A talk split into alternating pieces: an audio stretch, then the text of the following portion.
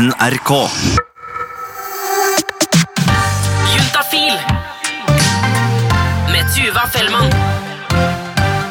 En kjappis, det er jo en rask lita tur i høyet eller i gangen eller hvor nå enn du måtte være. Det er fort, og det er godt, og det er det du skal få her i Juntafil i dag. Reporter Remi Horgard, det er du som står for kjappisen her. Ja, for jeg har nemlig møtt en som heter Knut, som hadde en kjappis en gang som han gjorde alt han kunne for å holde hemmelig.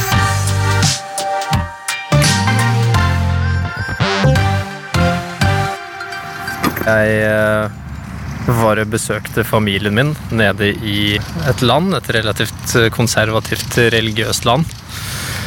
Og eh, i løpet av det oppholdet så kom da min daværende kjæreste kom på besøk eh, etter hvert hun også, og bodde sammen med meg og familien min. I et, i et godt etablert forhold, men, men veldig Hadde fortsatt en, en fin seksuell gnist. Og vi hadde jo ikke sett hverandre på noen uker så vi var rimelig friske yre. Men eh, familien min er også svært konservative. Vi får ikke lov til å dele rommet med, med partnere vi ikke, ikke er gift med i familien. Vi, vi hadde jo våre frykter om at vi måtte gå hele oppholdet der nede uten å kunne gjøre noen ting med hverandre. Det ville jo vært forferdelig. For dere så ikke i samme seng egentlig? Nei, nei, nei. Vi sov, vi sov absolutt ikke i samme seng. Det var helt fy-fy. Vi ble plassert på forskjellige rom og eh, gjerne helt forskjellige deler av huset. Så vi, vi fant ut en av de første kveldene hun var der, vel, at okay, at vi stikker ut en tur, og så går vi ut og går en kveldstur. Men før de gikk ut, så ga Knut sine foreldre dem en påminnelse om hvordan man måtte oppføre seg i landene de var i.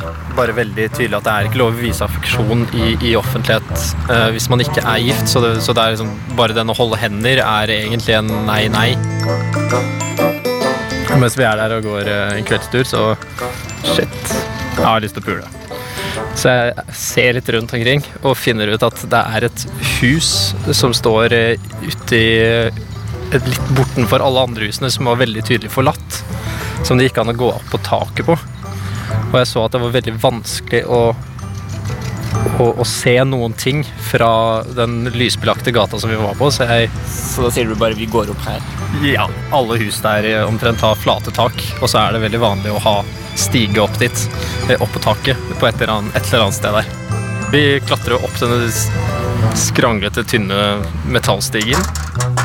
Og da ser jeg for meg hvordan de kommer opp på taket og får en nydelig utsikt over lys fra hele byen. Men helt sånn er det ikke. Ja, nei, det var bekmørkt. Det var bare lys. det er veldig lite romantisk. Så det var ikke sånn utsikt over en fantastisk by, liksom? Nei, nei, nei. Det var bare mørkt? Ja, det var mest mørkt. Men det var sånn litt uh, Man så litt, litt av byen, men det, man ser Altså, det er ikke noe utsiktspunkt der, så det var bare sånn Det var bare et helt vanlig hustak i et nabolag som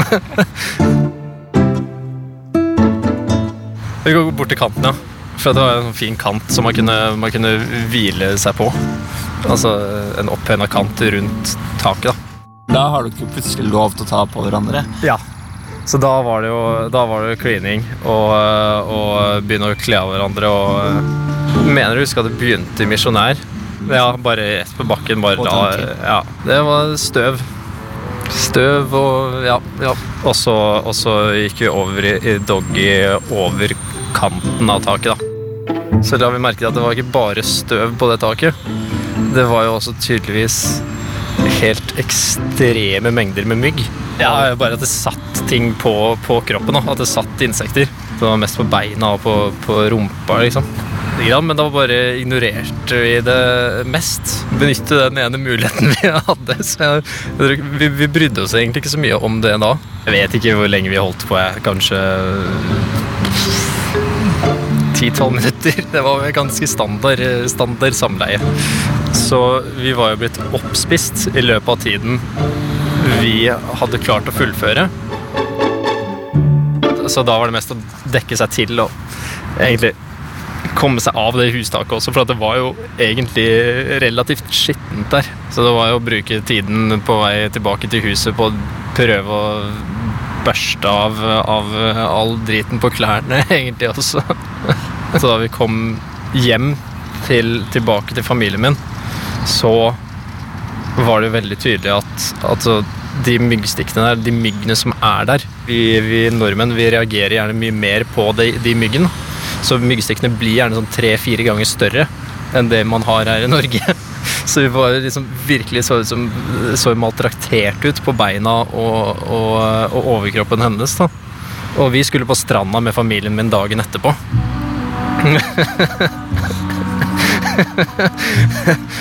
Der hvor det ville være veldig tydelig hva som hadde skjedd. Og det, tilfeldigvis Jeg aner ikke hvordan dette har skjedd. Eh, Det er eh, jeg, jeg skjønner ikke, men i løpet av den natten så forsvant alle myggstikkene mine. Det var bare hennes som var igjen. Og, og du sitter bare der i sanda, og det er stekende sol og, og klart, kjempeblått vann og bare veldig nydelig. Og man sitter egentlig bare der og koser seg og, og, og bader og, og spiser snacks og drikker drinker og alt mulig rart. Eh, da vi dro på stranda, det ble jo lagt merke til med en gang at hun var dekket i bitt. Over hele kroppen, liksom. Ja, over, over liksom, ja, magen, brystpartiet og, og skuldrene og, og beina. Alt eh, var liksom bare Ble fort påpekt av min mor. Men hun er såpass uh, uskyldig og konservativ at, at hun tolket det jo som at eh, det må jo garantert være noen sånne derre veggdyr i sengen hun sov i. Så moren min fikk jo kjempedårlig samvittighet. Og begynte å gjøre tiltak for å skulle fikse den senga. Shit, gjesten vår har jo blitt oppspist på min vakt. ja, jeg har som sagt litt dårlig samvittighet overfor moren min, så øh, jeg tviler på at hun kommer til å høre på dette her, men uh, unnskyld, mamma. Skal du si det en dag? Nei, det tror jeg ikke. Men det litt, et lite mirakel at dine forsvant. Altså ikke, for Ellers hadde det vært vanskelig å forklare det med veggdyr, siden dere ikke bodde i samme seng. Ja, man skulle nesten tro at det skjedde noe mirakuløst der den, den, den natten. Så jeg vet ikke, hvis det, var en, øh, hvis det var en form for gud som gjorde det, så, så høres han noe mye morsommere ut enn de gudene som står i egentlig alle de religiøse bøkene jeg vet om. Hør flere episoder i appen NRK Radio. Eller der du hører podkaster.